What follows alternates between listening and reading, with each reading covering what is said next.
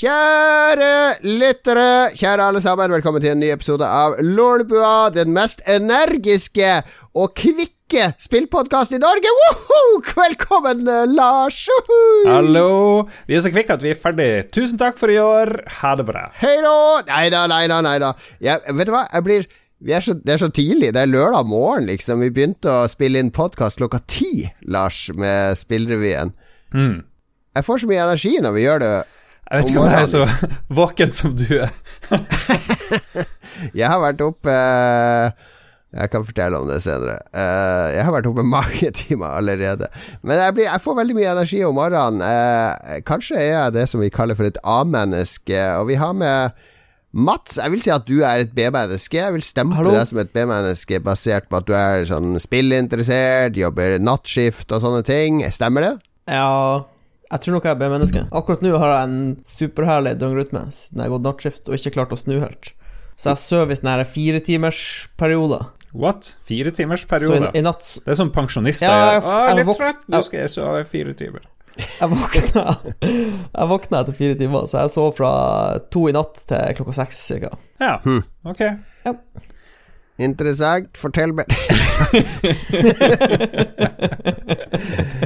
ja, nei da, B-mennesker, A-mennesker. Det er forskjellig, det der, men jeg har definitivt mest energi om morgenen. Altså Jo nærmere klokka blir uh, Med en gang klokka bikker åtte på kvelden, så har jeg egentlig bare lyst til å gå og legge meg. Jeg vet hva, det provoserer litt. Spesielt, det provoserer meg jo bare når vi er ute på byen i Oslo. Du bare Nei, klokka er 10-11, nå skal Jon Cato hjem. Vet du hva? Min gode venn uh, Tore, eller vår gode venn Tore, ringte meg i dag tidlig. Han ringte meg faktisk halv ni på lørdag morgen.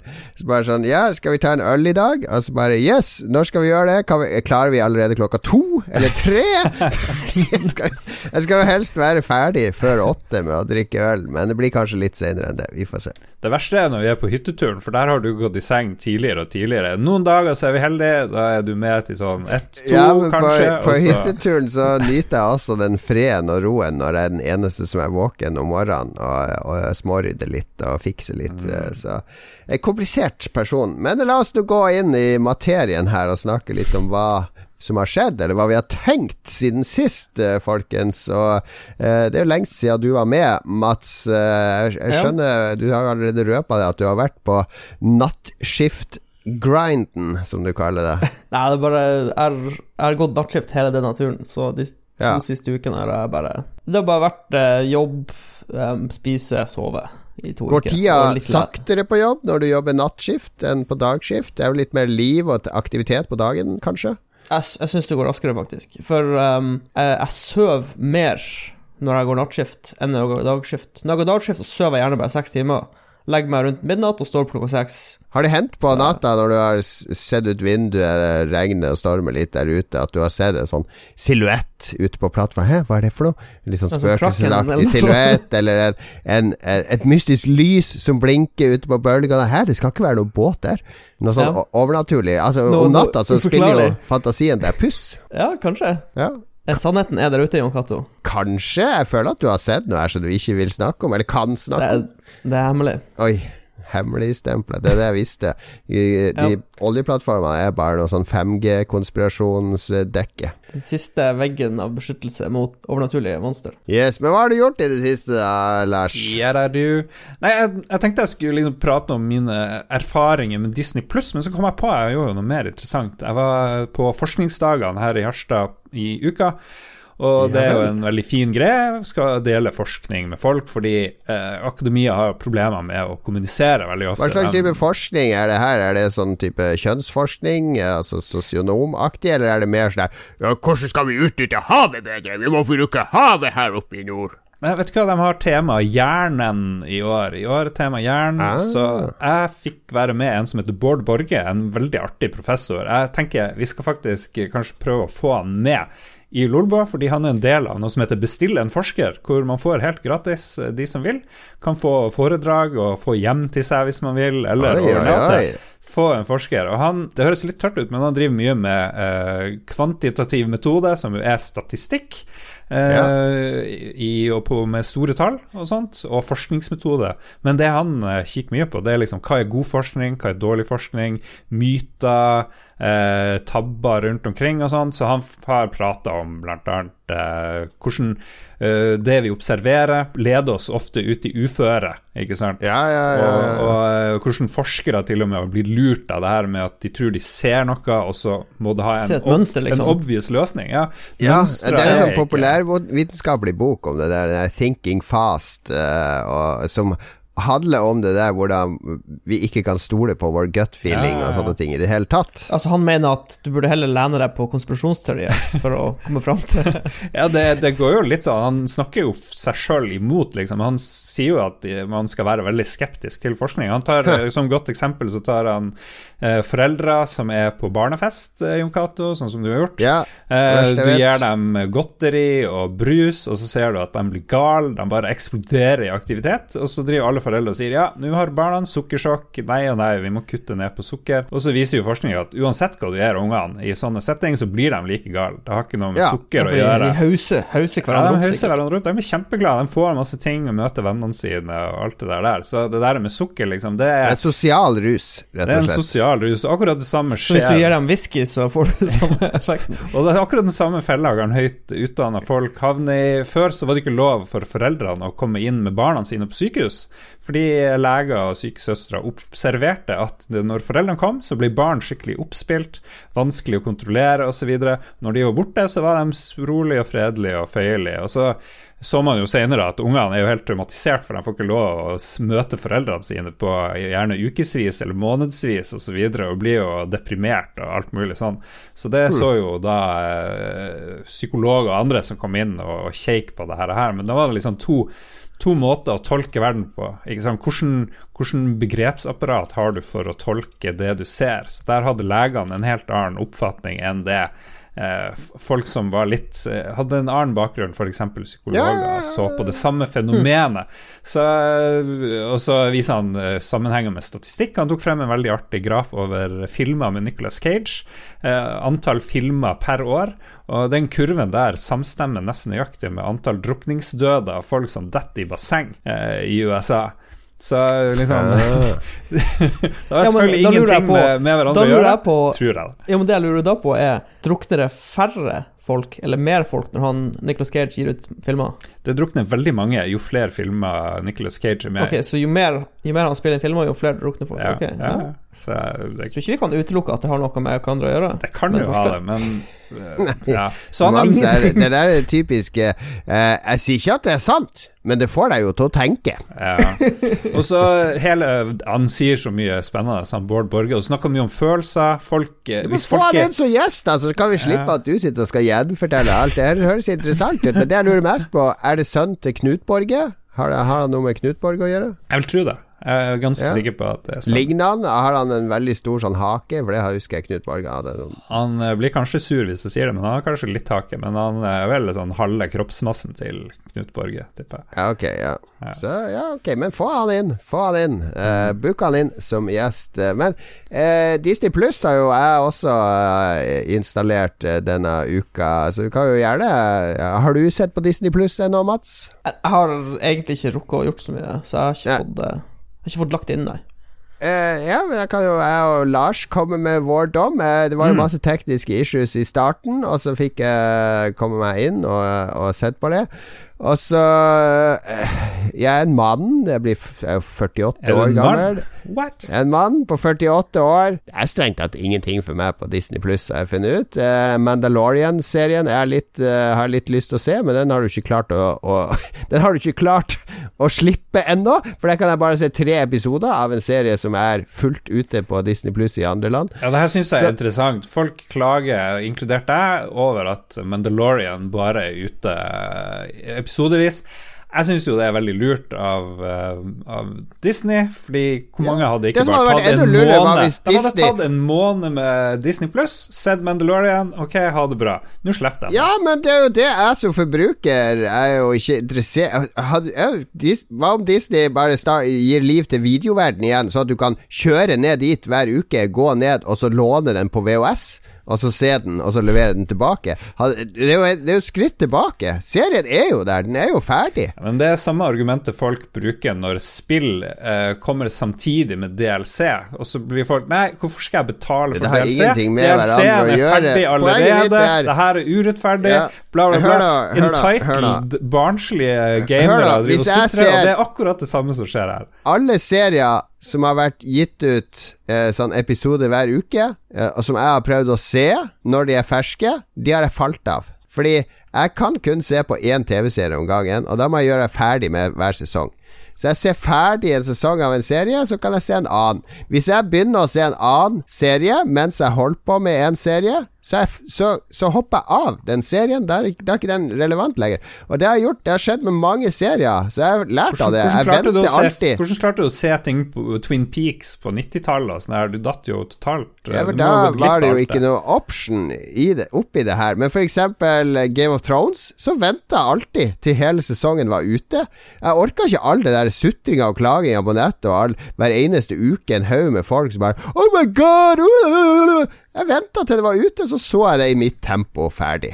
Ja, det er jo bare å vente nå òg. Det er jo, Ja, må være helt det. opp til Og det er jo helt opp til folk om de vil kansellere, eller hva de vil gjøre med subscription. Ja, Men det som det. Det er irriterer bare- meg aller mest her, Ja. Jon Cato Lorentzen, det er jo at uh, Nei, da er det jo ikke rart at folk går på torren når ikke jeg får viljen min 100% som jeg vil. Da skal jeg bryte loven, uh, snylte de som lager det her for penger, og skal jeg ikke gidde å betale en drit de bare fordi jo- jeg ikke får min vilje hele tida. De markedsførte når jeg kjøpte et år For jeg var en av de dumme som kjøpte et år Så sto det at Mandalorian var en del av denne pakka. Og det var det ikke. Det var 30 20% av Mandalorian var en del av den pakka Som jeg betalte for et år. Så det er villedende markedsføring. Du får jo det jævla jo, men, eh, Mandalorian du får jo over et sett- helt år. Du får jo sett hele Mandalorian før det året du har kjøpt det omme, så de hadde jo teknisk sett rett. Nei, jeg synes det er uh, Det er det største ilandsproblemet jeg, jeg hater Fordi hele det med å stykke opp hver uke Kommer jo av at det skal være ligne på lineær-TV. Og nå har jeg sittet med Jeg har også drevet med litt med sånn her TV2 Sumo denne uka, og andre ting, eh, som er Det er sånn mellomløsninger mellom lineær-TV og digitale tjenester. Der det at vi vi kan lineær-TV, og vi liker det formatet, ødelegger for den digitale tilgjengeligheten. Men jeg, det, jeg føler ja. jeg, å, Beklager.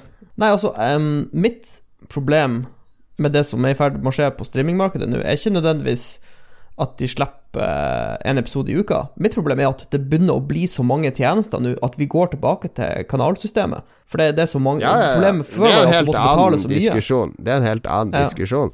Og det, det, det kan vi godt snakke om en annen gang. Men, eh, men du er jo enig i at du vil jo ikke se en film, så de har stykka opp i en halvtime hver? Ja, men det er, jo, for- eh, det er jo en helt kunstig problemstilling. Det er jo ingen som deler Nei, fordi filmer. hvis hele sesongen er ferdig og tilgjengelig i mange land, så det det er ingen grunn til å stykke det opp. Jo, Det det er en økonomisk det. grunn. Hæ? En, det er vel en økonomisk grunn, for du får, vil jo få Jeg folk til å snakker for, snakker for meg som forbruker. Er det noen fordel for meg som forbruker at jeg, jeg må vente en uke mellom hver episode? Gi meg det er jo- tre jo- fordeler med at jeg må sitte og vente på episodene Det er, jo, det er jo. Disney sine fordeler. Det er jo ja, ikke det ikke din fordel som Jeg forbruker. snakker om for meg! Jeg snakker ikke for Nei, meg. det er ingen fordeler. Det er ingen fordeler. jeg, jeg føler at alle har blitt sånne fire år gamle unger. Jeg vil ha det nå! Det vil ikke jeg vente nå? Ja. Tenk på meg!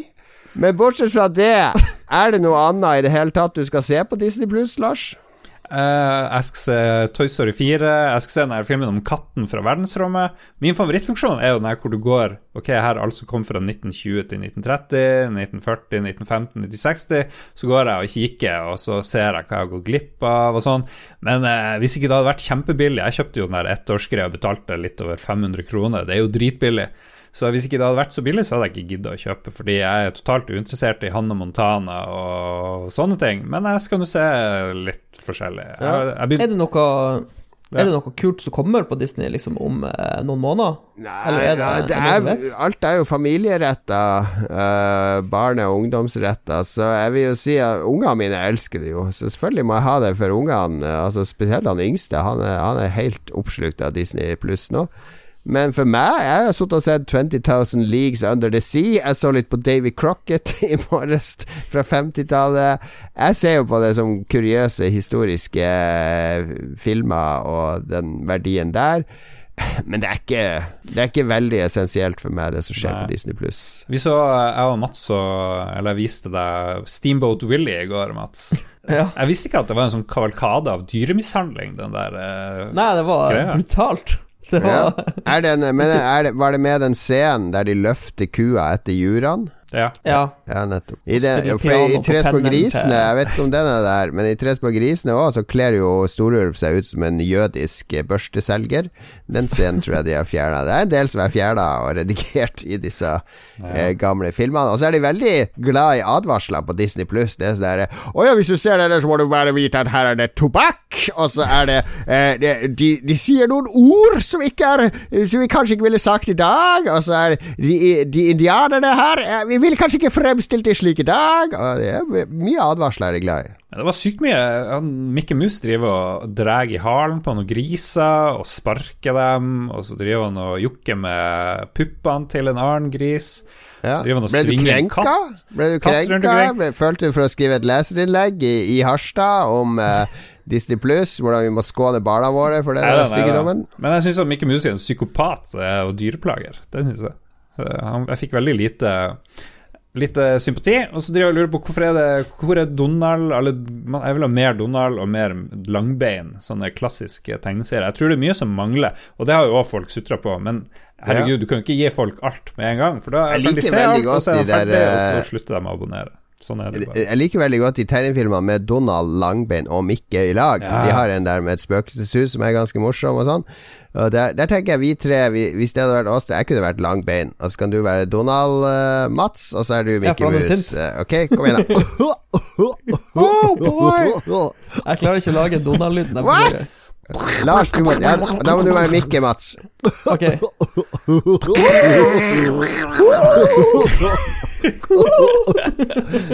Herregud. jeg sier det når vi spiller inn på morgenen. Ja, da kommer ideene på løpende bånd. Det der kan du ta ut eh, ti sekunder der. Bare slippe som en sånn soundbite for å lokke ned litt. Du, Jon Cato, har du noe på hjertet, forresten? Du, ja, bare... jeg har vært uh, Jeg har sittet i styret på et sånn fotball-retrospillsted i Oslo som heter Ball. Der jeg hadde vi siste styremøte nå, i og med at jeg bytter jobb. Så har jeg sagt fra meg det vervet. Og da spiste vi middag, og så ble det noen øl, og så ble det ganske sein kveld med de andre i styret. Han ene sitter i styret, han heter Frode Lia, eh, gammel punkrocker, som også starta fotballmagasinet Jossimar, og som har en masse fotball fotballpodkaster og baller i lufta rundt fotball nå. Virkelig en sånn autoritet på fotballkunnskap i en Norge. Bøtta. Ja, fordi han kan all, all fotball fra hele verden, ut og inn. Altså så hver gang jeg møter han, er en veldig karismatisk og kunnskapsrik fyr. Ikke sant? Med det Jossimar-bladet, de har jo avslørt masse korrupsjon. De har jo vært på Jim Solbakken, som var agenten til Solskjær og mange andre. Hvordan han har en del skitne metoder, osv. Så, videre.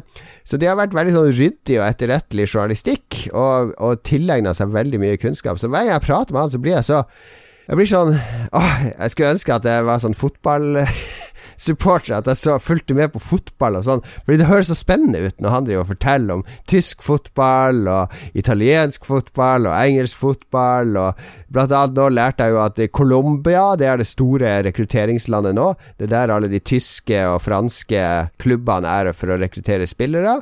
Og det kommer av at de landene der, som Premier League har oppdaga, da blir prisene på spillerne blåst opp fordi Premier League er så jævla mye penger. Så at de tyske og franske De må liksom være i forkant av Premier League og oppdage spillere i hemmelighet, og så kommer Premier League inn og bare som en motor. Ja. Lær mye, lær mye, ikke sant. Så da har jeg bestemt meg for jeg skal prøve i høst å bli en sånn fotballdude. Begynne å se på fotball og følge med på fotball. Ja, jeg har faktisk uh, begynt å følge litt med på Premier League. Ja For jeg har jo sett, har jo sett så mye sånne her dokumentarer om Premier League blant annet. Ja, ja, ja. Så uh, jeg, sy jeg syns det er genuint eh, interessant. Jeg har ikke noe lag jeg støtter ennå, da, men uh, ja. Lars er jo tot Tottenham, er det det? Lars er Manchester United? Eller? Begge deler. Jeg liker å provosere folk. med at jeg, jeg bytter litt på favorittlag. eh, det er mulig jeg må begynne å heie på Leeds, for de rykka jo opp til Premier League. Ja, Leeds sesongen. spilte jo en forrykende kamp mot Liverpool nå i åpningshelga. Ja, stemmer det. Men eh, Ja, du må det jo ha litt Salah skåret ja. hat trick. Men det som er problemet, Mats, er at du har ikke lav nok sånn der eh, IQ for å heie på fotball, liksom. Det er jo noe der, da. For å, heie, Du ha trenger lag jo ha ikke noe et mer IQ for å følge med på Formel 1. ja, det, Der har du enorm IQ. Nei, det er provoserende, men det er jo sånn fordom om at fotballfans er dumme. Ja. Men det er jo veldig mye smarte fotballfans. Jeg skjønner, men jeg skjønner ikke der. Hvordan man blir så investert. Og mitt Magnus lag Carlsen er Hvorfor er det mitt lag? Det er jo ikke ditt lag, det er jo bare et lag du heier på. Men alle fotballfans er mitt lag, og nå vant vi. Vi vant i dag. Du vant ikke nok som helst. Du driver og betaler for å se på et lag, og så gir du dem penger og kjøper noen skjorte. Du driver og blir utnytta av det der laget som gjør deg litt Herregud, Ja, ja. Det er jo sånn det er. Mitt lag. hvordan ble det ditt lag? For du støtter laget. Ja, det er ikke tilhørighet. ditt lag et fellesskap, ikke sant? Det er jo et fellesskap eh, som oppstår sammen med de andre som støtter det laget. Så alle er brødre og søstre på pub sammen og, og ønsker å oppnå det samme, ikke sant? Lars er ikke solgt på det her Ja, supporterkonseptet. Kom deg på, kom deg på litt uh, kamper med Harstad idrettslag. Lars, begynn å heie, bli en del av Heal-fanklubben, så kan du føle på den fellesskapsfølelsen. Vi vant i dag. Å nei, vi Vi får vant se. ikke. Eh, da skal jeg se Da er det vel Westham nå etterpå, om, en ti, om en times tid. Så jeg skal benke meg foran og kose meg med Westham. Så vi får se hvor lenge jeg holder ut. Kanskje gir jeg opp det Jeg prosjektet også- i pausen i Westham-kampen. Men jeg skal prøve å få med meg litt kamper nå framover. Ja, samme her. Men ja ja, nå faller mye lyttere av. Vi spiller litt musikk.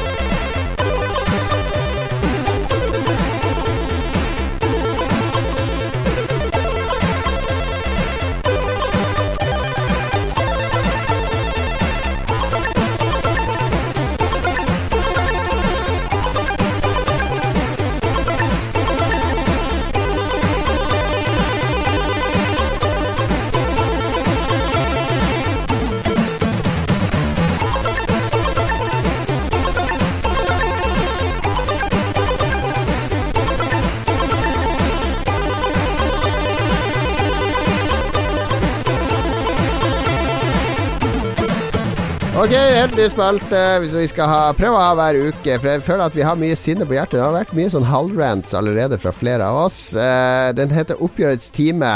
Og det er kun én av oss som får ha oppgjørets time hver gang, så jeg skal begynne. Eh, Ja, spalten går det an går å ut kom på kommentere det her? Er det her liksom trollolol? Er det return Ja, dere får lov å komme med innspill. Det er Poenget er at det er mye her ute som er irriterende, eller som vi reagerer på. Det er litt som hva er greia med, som vi av og til har i, i Roffelbua. Eh, altså må vi få lov å ta et oppgjør med dette. Altså få ventilert det ut, for da tror jeg at vi føler oss bedre etterpå. Av og til er det, er det greit å si fra om det som plager en, og så hjelper det. Det er å lette på, på frustrasjon. Ja, da er jeg spent. Ja, jeg er òg veldig spent, faktisk. Trenger vi en fanfare? Jon Cato skal være sint. Oppgjørets time.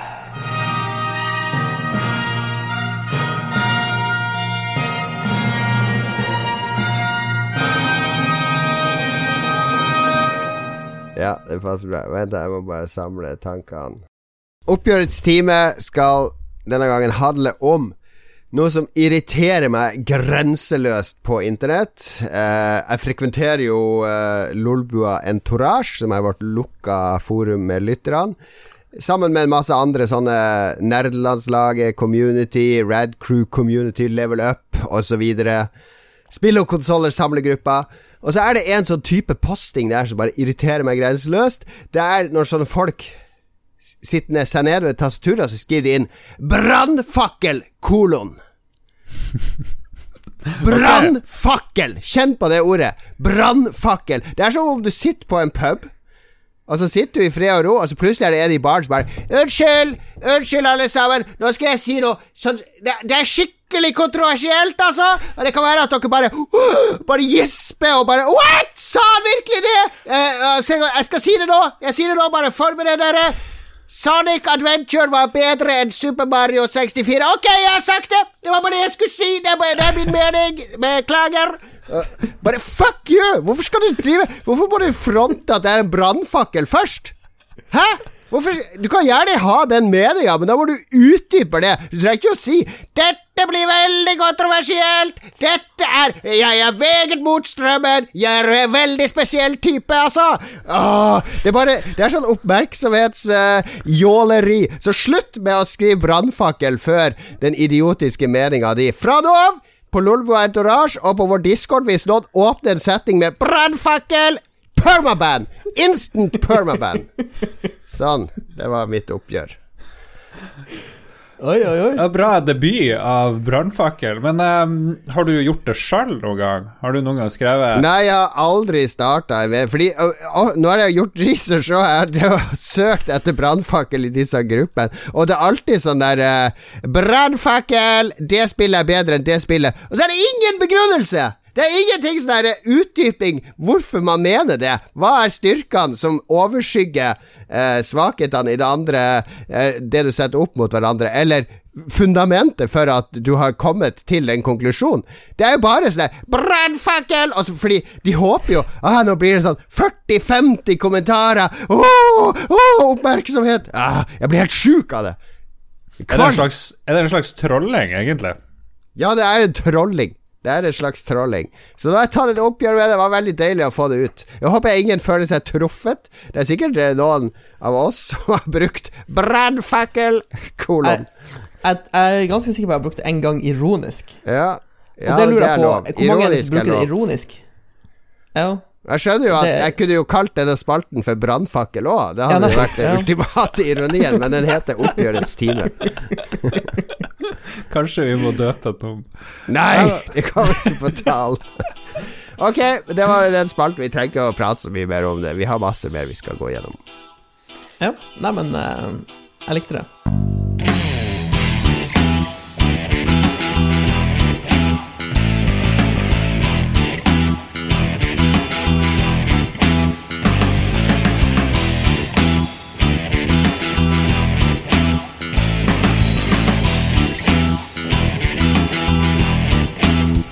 Ok, hva har vi spilt i det siste, da? Yeah, boy.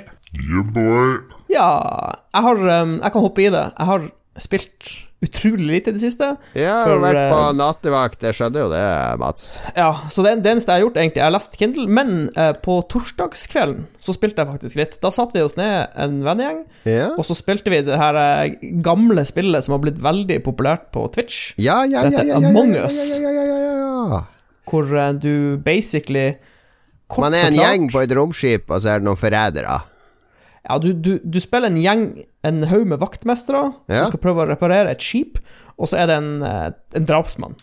Eller sabotør eh, iblant gjengen. Ja. Og så skal han, sabotøren skal prøve å eh, hindre de andre i å reparere skipet. Enten ved å drepe dem, eller ved å ødelegge Eller, ja, ødelegge systemer som er kritiske. Eh, og de som jobber på skipet, skal prøve å fikse skipet uten å dø. Det er liksom kort, kort ja, ja. forklart. eh. Og så har du Du kan være opptil ti spillere, Ja. og du, du, kan ha, du kan ha flere imposters. Det trenger ikke bare være én sånn sabotør. Du kan ha flere hvis du vil. Ja, Men ja, det blir jo veldig vanskelig for crewet hvis det er proporsjonelt feil antall imposters, for da kan jo de samarbeide, og så blir det veldig vanskelig å oppdage alle. Mm. Og så fungerer det som følger. Du går rundt på skipet, du får, sånne, du får en sånn liste med arbeidsoppgaver. Eh, Fiks det, Ja. gjør det. Og det er sånne minigames. Du går fram til konsollen, og så trykker du, og så gjør du et lite minigame. Eh, og hvis eh, du finner et lik, så kan du rapportere liket, og da blir det et sånn eh, nød-emergency meeting om bord på skipet. Ja. Og da har alle spillerne mulighet til å kaste en stemme på en annen spiller, og hvis den eh, spilleren får eh, majoritetsstemmen på seg, så blir han kasta ut av skipet. Ut airlocken. Er det, er det sånn reell romlov fra NASA, det? Hvis, hvis en blir Ja, det- drept ja. på ISS, så blir det sånn møte med en gang, og så blir det én som blir speisa. Korrekt. Det er akkurat sånn det foregår på ISS. ok, ja. Eh, og så er det jo um, Spillet går bare ut på uh, at du, du, må prøve å finne ut hvem som er imposteren, før imposteren. Ja, da vinner de i fellesskap, de som er good guys, og hvis imposteren kommer langt nok, så vinner han. Korrekt. Ja. Så det, det, vi gjør, uh, f.eks. nå når vi spilte, så var vi vel åtte-ni stykk. Så alle satt jo på Discord, på samme kanalen. Ja. Men så gjør vi det sånn at uh, når vi springer rundt på skipet og gjør tasks, så er vi helt musestille. Da snakker vi ikke. Da gjør man bare tasks. Men hvis uh, det blir rapportert inn et lik, eller noen kaller inn til nødmøte, da snakker vi. Hvor lenge varer det? Det her føler jeg er veldig uh, forskjellig fra gruppe til gruppe, fordi noen vil, Jeg vil bare ut og gjøre mer tasks. Uh, så det er bare sånn ja. ja. ja, ok, det er sikkert, det er sikkert uh, Marius Jeg kaster min stemme der. Bare bli ferdig med det. Mens andre, de vil gjerne Yes, agenda for dette møtet er Og så skal det være sånn timeslang diskusjon ja, og analyse. Kan du kollaborere at han var der? Så du at han var der? Ja, vi, vi, vi, det er jo sånn standardinnstilling når du starter opp spillet første gang, og da har du Den der voting-perioden er utrolig lang. Den er, jeg tror den er over to minutter ja, som standard. Så det vi gjorde, var at vi skrudde det ned til 60 sekunder. Fordi da, da skal du liksom Du skal snakke, og så skal du stemme på 60 sekunder. Og hvis du er ni stykk, så må ting gå fort. Ja, ja, så da bruker vi bare å si OK, han som kalte inn til møte, OK, jeg fant like der. Eh, er den andres Og så hvis han så en person eh, forlate eller i nærheten eh, før han så like, så sier han det. Og så må bare de andre forklare hvor de var, og prøve å virke uskyldig, rett og slett. Så det er liksom Ja. Men det er, det er veldig morsomt, fordi han som er imposteren, kan jo liksom Han kan jo sette folk opp mot hverandre, så det er jo masse sånne meta Nei, I altså, alle sånne spill er det jo alltid artigst å være imposter. Ut, uten tvil. Ja. Og det, det, som var så fantastisk, en runde var Det var jeg som Jeg var, jeg var ikke imposter, jeg var crewmate. Eh, og så eh, var det jeg som fant flere av likene. Og så sa jeg bare hva jeg så. Ja, jeg fant den personen der og den personen der. Så endte det med at vi sendte tre folk ut airlocken som var uskyldig. Fordi jeg hadde, jeg hadde, kanskje observert en person eh, der og der, liksom. Så det var Ja. ja men det er et veldig morsomt spill. Eh, det har blitt veldig, veldig, populært. Vi har jo basically spilt det på hytta som Kutulu-rollespill, for det her var jo stort sett scenarioet for forrige hyttetur når vi reiste med USS eh, Greta Thunberg eh, på femårsreise til en ny planet som vi skal kolonisere etter at vi har ødelagt jorda, eh, miljøet på jorda. Ja, eh, og så skal jeg bare si det koster 30 kroner på Steam, eller 32 kroner, eller noe sånt, jeg er ikke sikker. Og jeg vet at vi bruker ofte å lage lobbyer. Er også til iPad og mobil, tror jeg. Ja, ja, stemmer. Det er kommet på mobil òg. Ja. Og det er um, Hvis du går på Lolbua-discorden, så bruker vi å sette opp sånne spillelobbyer der. Så det er bare å henge, henge, der, så blir det sikkert noe action. Sweet. Bra. Philip prata om det forrige gang òg, men det var bra å få din take på det. Ja, også. det er veldig morsomt. Ja. Endelig, uh, Lars. Du har uh, Jeg er jo PC-spiller, så jeg er litt sånn bitter, for jeg vil gjerne spille Spelunky 2, men det kommer jo ikke før 29.9. på PC. PC, men du koser deg med det på PlayStation 2, eh, Lars? Det skjedde det som skjedde med Spelunky 1, at jeg klarer ikke å slutte å spille det. Så jeg satt til eh, og bare gama og gama lengre og lengre. Og bare ok, én runde til, én runde til. Det er så fort, Med en gang du dør, så kan du bare trykke på én knapp, så starter du på ny runde. Og så ja. tenker du faen, jeg må komme meg lenger nå. Der snakka du om Spelunky 1. Ja, men det er, det er sånn i Spelunky 2 òg. Det er liksom ja. den derre jeg må bare prøve litt til. Men det handler jo om autorandom, prosedyregenererte dungeons. Du er en utforsker, ja. du er datter av hovedpersonen i det første spillet. Ja, eh, det første spillet var du vel i sånn jungel, i sånn Maya-aktig ja, greier. Nå har foreldrene dine dratt til Mars, eller Månen. Månen har de fått det til. Eh, og forsvunnet, så dattera kommer etter og skal se om de finner tak i dem. da Og Det er egentlig nøyaktig det samme som Spelunky 1 på mange måter. Bare ja. før du fortsetter nå. Ja. Eh, foreldrene har dratt til månen, ja. eller verdensrommet. Yes. Er det en sånn her uh, Rick Dangerous-referanse? For der er jo I Rick Dangerous 2 er du plutselig in space. Ja, for det hele Spelunky minner jo veldig om Rick Dangerous. Ja. Det gjør det. Nei, så det var en artig, artig observasjon. Nei, det, ja. du har enkle redskaper du begynner med, for de som ikke vet. Uh, veggene kan du knuse med bomber. Du får et visst antall bomber i starten av brettet. Du kan lage deg nye ganger hvis du vil, men basically så er det å gå rundt i, i noe sånn hule, et lite brett, hvor det er slanger. Det er å bare og... komme seg til exiten, og ja. så har du masse options du valg du må ta underveis. Skal jeg prøve å gå til den kista der, eller Klarer jeg å bekjempe disse monstrene, eller skal jeg sprenge meg gjennom veggen? Altså Det er tusenvis av sånne mini-choices underveis. Ja, og så er det plutselig finner du en nøkkel, og da vet du at det er noen kiste med noe lut du kan åpne, for her og der så kommer det butikker, mm, mm, mm. så kan du bruke penger og kjøpe eh, mer eller mindre nyttig utstyr. Du kan kjøpe sånn klatresko og hakke som du kan grave gjennom med. Du kan kjøpe en teleporter. Det husker jeg det første spillet var sånn eh, mega-random. De som er kjempeflinke med teleporteren, de, de fyker jo gjennom brettene, men du risikerer å havne inni vegger og bare dø. Ja, ja, ja, så det er livsfarlig. Og så er det masse, masse systemer som leker sammen. Ja, og så er det så mye secrets, og det er så mye ting å finne ut av. Du nice. møter litt flere karakterer nå enn før. Jeg har funnet en fyr som samler på kalkuner. Uh, jeg, var, jeg, var, litt uheldig og slo han med pisken min, og da ble han helt gal og bare drepte meg med en gang.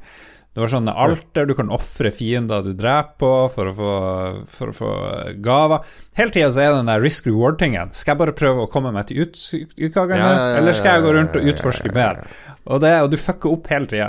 Det, du fucker opp så sinnssykt mye. Så tenker du åh, hvorfor gjorde jeg det her? For det er hele tida din skyld ikke sant, når det går galt. Ja, ja, ja. Og så er det ulike verdener. Det er vel fire kart på hvert verden, og så kommer du videre. Liksom, nå er det en sluttboss, ser det ut som, på den siste verden. Det var det jo ikke i det første. Og så er det en ny ting. Det er en sånn spøkelsesmekanikk. Hvis du brukte for lang tid på brettene i eh, det første spillet, så kom det et spøkelse og jagde deg. Nå så er det helt random når det spøkelset kommer, eller jeg har ikke skjønt. Oh, yeah. For det kan komme med en gang du starter brettet, yes. og da er det bare panikk med en gang. Uh, å komme seg til utgangen, fordi det drepte deg hvis det er borte. Ja. I første spillet så var det vel noe som trigga deg, var det ikke? At du liksom det var noe sånn ritual eller et eller annet du kunne forstyrre, eller var det ikke noe sånn? Nei, det er flere eller, ting. Du kunne plukke opp en sånn gullidol, og da sånn kommer det en sånn stein, og Nei, det er mye forskjellig. Ja. Nei, det, det, jeg spilte det en par timer i går. Kjempeartig. Kom meg ikke til andre verden, dessverre. jeg, var, jeg, var, flere ganger på den der siste bosskaren, men jeg, det, jeg driver hele tida og fucker opp. Jeg hele tiden fucker ja. Men jeg vet at i dag så vil jeg være mye flinkere. I dag vil jeg komme meg garantert til den verden. Ja, For det er sånn sove på det og bli bedre. Ja. Um, før så var det sånn daily challenges. Jeg husker ikke om det, det er nå. At du har samme brett i alle, og så er det hvem kommer lengst. Nå har du noen multiplayer-greier uh, i tillegg til at du kan være flere. Det er jo Coop kan du spille òg. Spillet blir jo bare vanskelig hvis du gjør det, men det er en slags multiplayer, og det har ikke jeg prøvd. Uh, en ny multiplayer-greie. Nei, det, og det, det så, alt, alt, er så gjennomført. Å, han Erik Surke fra Norge. Jeg sjekka credits, det var det første jeg gjorde. Erik Surke fra Norge har lagd musikken. Fantastisk musikk. Han har det, ja. Det er bra. Jeg likte veldig godt musikken i det første. Så vi må få tak i han til Spillrevyen, tenkte jeg. Det hadde vært uh, Yes, han har vært med på spillquizen til meg og Magnus et par ganger. Har jeg sett han uh, i publikum der. Skal vi se, spilt noen timer her om dagen. Ja, når skal det streames? Når blir ja, det stream? Kan du slutte å sitte i timevis foran din PlayStation og ikke dele med våre patrons, som gir oss tusenvis på tusenvis av kroner i måneden? Tenk så glad de vil bli hvis du streamer litt Spelunky 2 for de, Lars. Ja, de kommer til å bli utrolig glad. Jeg lover, jeg skal streame. Nå blir det stream. Oi, oi, oi, det blir så bra. Verden er lykkelig. Ja, ja, ja, ja, ja. Avenue of Broken Promises. ja. jeg, jeg, har sikkert ikke nevnt noe av det som er nytt og kult i Spelunky 2, men det er bare fantastisk. Det er bare å kjøpe det med en gang. Ok, jeg gleder meg veldig til det kommer på PC. Er det noe for deg i det hele tatt? Sånne type spill, Mats? Altså, det er jo plattformspill, egentlig, men her er mye systemer. Det er mye, mye å leke seg med. Jeg tror jeg har spilt mest Spelunky hos han Lars på PlayStation, faktisk. Mm. Men jeg tror jeg har det på Steam, men jeg har ikke spilt det så mye på PC. Jeg er veldig glad i sånne typer spill. Ja. Det er bra. Jeg har spilt uh, den store, kontroversielle Nintendo-pakka som kom uh, fredag den uh, forrige uke. Uh. Ja, Nemlig Super da, Mario du, du, må forklare litt rundt den, for jeg har ikke ja. helt fått med Super meg det. Super Mario 3D Allstars heter den. for de som ikke kan sin Nintendo, så kom det jo en pakke som heter Super Mario Allstars på Super Nintendo i sin tid, som pakka Super Mario Bros og The Lost Levels og litt sånn tre eller fire gamle Mario-spill sammen. Så dette er liksom uh, en reprise på det, da, men med mer moderne Mario-spill. Så den inneholder da uh, Super Mario 64, som var uh, banebrytende milepæl, som virkelig definerte hvordan man kunne ta et 2D-spill inn i 3D. fra Nintendo 64. Og så har det med Super Mario Sunshine fra GameCube, som er et litt sånn odd uh, spill i Mario-serien, uh, der du har en sånn backpack. Du kan sprute vann, og du kan bruke den som en sånn slags jetpack. Og så har du Super Mario Galaxy, som var et helt fantastisk uh, Super Mario-spill på Wii. Litt sånn forløpet til Super Mario Odyssey. veldig lekent og artig og kreativt spill. Så disse tre er da relansert i en sånn pakke, fordi Nintendo feirer nå er det 35 år med Mario. Fylte 35 mm. år nå nylig. Og har da lansert denne pakken på uh, Switch for 599 som eh, Da ble mange sint. Wow, skal vi betale så mye for gamle og gamle spill?! Ja, du skal det, fordi Nintendo eh, setter jo aldri ned prisene på spillene sine, så vær så god og betal hvis du skal ha disse. Men så kom jo det som var den store skandalen, fordi spillene er jo akkurat sånn som de var før. Eh, de er noe oppgraderinger. Sunshine er blitt widescreen, det var det ikke opprinnelig. Uh, litt bedre Litt høyere oppløsning. Altså Det ser jo ikke ut som den der uh, utvanna Nintendo 64-grafikken, men det er fortsatt ganske utvanna. Det er, det jo ikke 120 frames og sånne ting. Det er, de er ikke optimalisert. For det viser seg jo at de jo stort sett De har jo emulert de gamle spillene. Og de har pussa litt på de, og så er det bare emulasjon av de opprinnelige spillene. Og da ble det, det ramaskrik på dette. Er bare emulasjon! Skal remaster! Skal remaster! Så alle poster som Nintendo America har nå om denne pakken Så det var gøy å gå på Twitter og se på alle disse butthørte mannebarna som roper og skriker Dere fucka opp! Dere fucka opp! Nintendo fucka opp min barndom! Men er, er, det ikke litt uh, heftig å ta betalt for så mye for uh, noen emuleringsfiler? ja, jeg fikk en melding fra Thomas at han er hjemme og at han, det kommer noen på besøk som skal kjøpe noe hos Han mener at jeg må roe meg ned der oppe. Fantastisk. Jeg syns, eh, heller at du skal rante ut hele episoden. Jeg syns det var veldig bra. Veldig bra rant. Cool, cool Jerry. Må, uh, nei, altså Det er jo akkurat de samme spillene og samme opplevelsen, og det føles bra å spille. Jeg har spilt uh, masse Super Mario 64 allerede. Og så er det gøy for meg som har barn, å vise dem de gamle spillene. De syns jo Super Mario Sunshine er veldig rart, med alle malinger du skal drive og vaske bort. Uh, Galaxy er jo fortsatt like genialt i dag. Og så kunne de selvfølgelig De kunne jo laga HD-remakes av det. Fordi det som skjer, er jo hvis du ser på sånn VU-emulator eh, og, og, type Nintendo-emulatorer der de har drevet og modda og oppgradert spillene Så um, Breath of the Wild, f.eks. på VU-emulator med en masse add-ons, ser jo helt smashing fantastisk ut. Så det er jo klart, jeg skulle jo gjerne ha spilt disse spillene i oppussa versjoner òg, men jeg bryr meg ikke så mye. Altså, for meg er det gøy å bare gjenbesøke det akkurat sånn som det var. Ja, jeg skjønner det litt, fordi jeg driver og spiller noe som heter Flashback fra 1992 eh, ja. på Amiga. Og det Du har eh, muligheten til å putte sånne filter og smoothe litt og anti-avlesing og sånn, men jeg kjører bare på med klassisk, classic grafikk og musikk, og det er kjempegøy, det, faktisk. Men jeg, men jeg tenker liksom Når du lanserer et spill og setter en prislapp på det spillet, skal ikke den prislappen representere litt ressursene du har kasta inn i prosjektet, på en måte? At liksom, ja, det, vi har brukt arbeidstimer på å utvikle det, og osv., og så nå har de bare tatt noen evalueringsfiler og bare slengt det opp, liksom. Burde ikke prisen vært litt lavere, da? Syns nå jeg, da. Ja, jeg burde det. På, hvis du kjøper uh, Indiana Jones uh, En Indiana Jones-film som er 30 år gammel nå i dag, altså forventer du at det skal være så mye mer? Ah, det er ikke ekstra materiale, ikke kommentarspor Jo, men som, ofte, som, oftest hvis du kjøper en, en, film En gammel film på nytt igjen i dag, så er det jo fordi den er remastera, eller noe sånt, og ja. sluppet på UHD, og da har de jo brukt mange arbeidstimer på å remastre den og, slippe, og liksom slippe det ja, men er, de har jo brukt litt tid på det her òg, men eh, det er jo ja. Nei, for jeg så bare noen bilder fra uh, Super Mario 64, og det så jo ganske likt ut. Sånn Ja, ja det, er, det, er jo likt. Altså, det er jo basically samme spillet. Men det er jo Nintendo sin Altså, Nintendo var jo aldri når jeg jobba i spillbutikk, ikke sant, så var det sånn at når det kom et nytt PlayStation-spill, ja, det koster 599. Altså et halvt år etter får du nedprising på det, det koster 399. Og så koster det 299, og så kommer det i PlayStation Classics-serie, da koster det 149 eh, etter to år. Mens Nintendo-spillene altså, var sånn ah, Super Mario 64, det koster 698, og så går det fem år. Jeg skal ha Super Mario 64, det koster 698. Altså Nintendo har aldri drevet og devaluert produktene sine. Som, som, også gjør i mindsettet ditt at Nintendo-spill er mer verdifulle enn de andre bruk-og-kast-varespillene. De går ikke ned i verdi, de går opp i verdi. Ja, de går aldri ned i verdi. Og når man drev med bruktspill, som jeg også har drevet med, så var jo Nintendo-spill gull verdt, fordi det Når folk kom med Fifa 98 eh, i år 2001, ja, det kan du få ti kroner i byttepris for. Men hvis de kom med et fire år gammelt Nintendo-spill, eh, så var det sånn Ok, du kan få 300 kroner i byttepris for, for det kan jeg selge brukt for 400 kroner, fordi det koster fortsatt nytt 600 kroner. Ja, jeg forstår.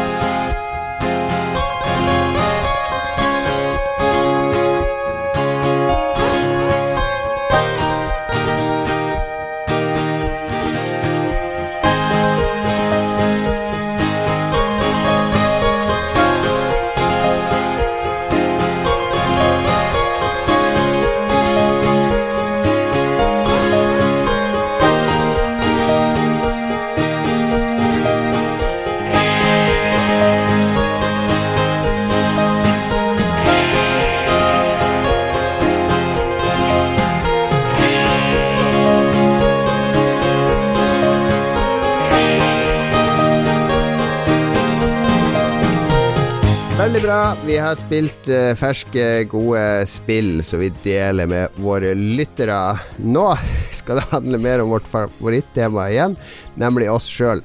Vi er litt sånn her uh, selvsentrert i Lolbua, er vi det? Ja, vi er det. Vi er det. Er Men er det, ikke, er det, ikke, greit, det? Å være, liksom, bry, bry seg om seg sjøl? Self-care. Jeg, jeg synes Self det. Altså, altså fører det jo også til at vi byr på oss sjøl overfor leserne, på godt og vondt lytterne, leserne? Det vi skal gjøre nå, er eh, noe vi kanskje skal gjøre flere ganger. Vi får se åssen det blir. Eh, det er et eksperiment. Vi skal nemlig ta noe jeg husker fra da jeg var ung, eller var tenåring, var at det fantes sånne uh, jenteblader som heter Romantikk og uh, hva, hva heter de? Starlet, hva er det jeg husker best?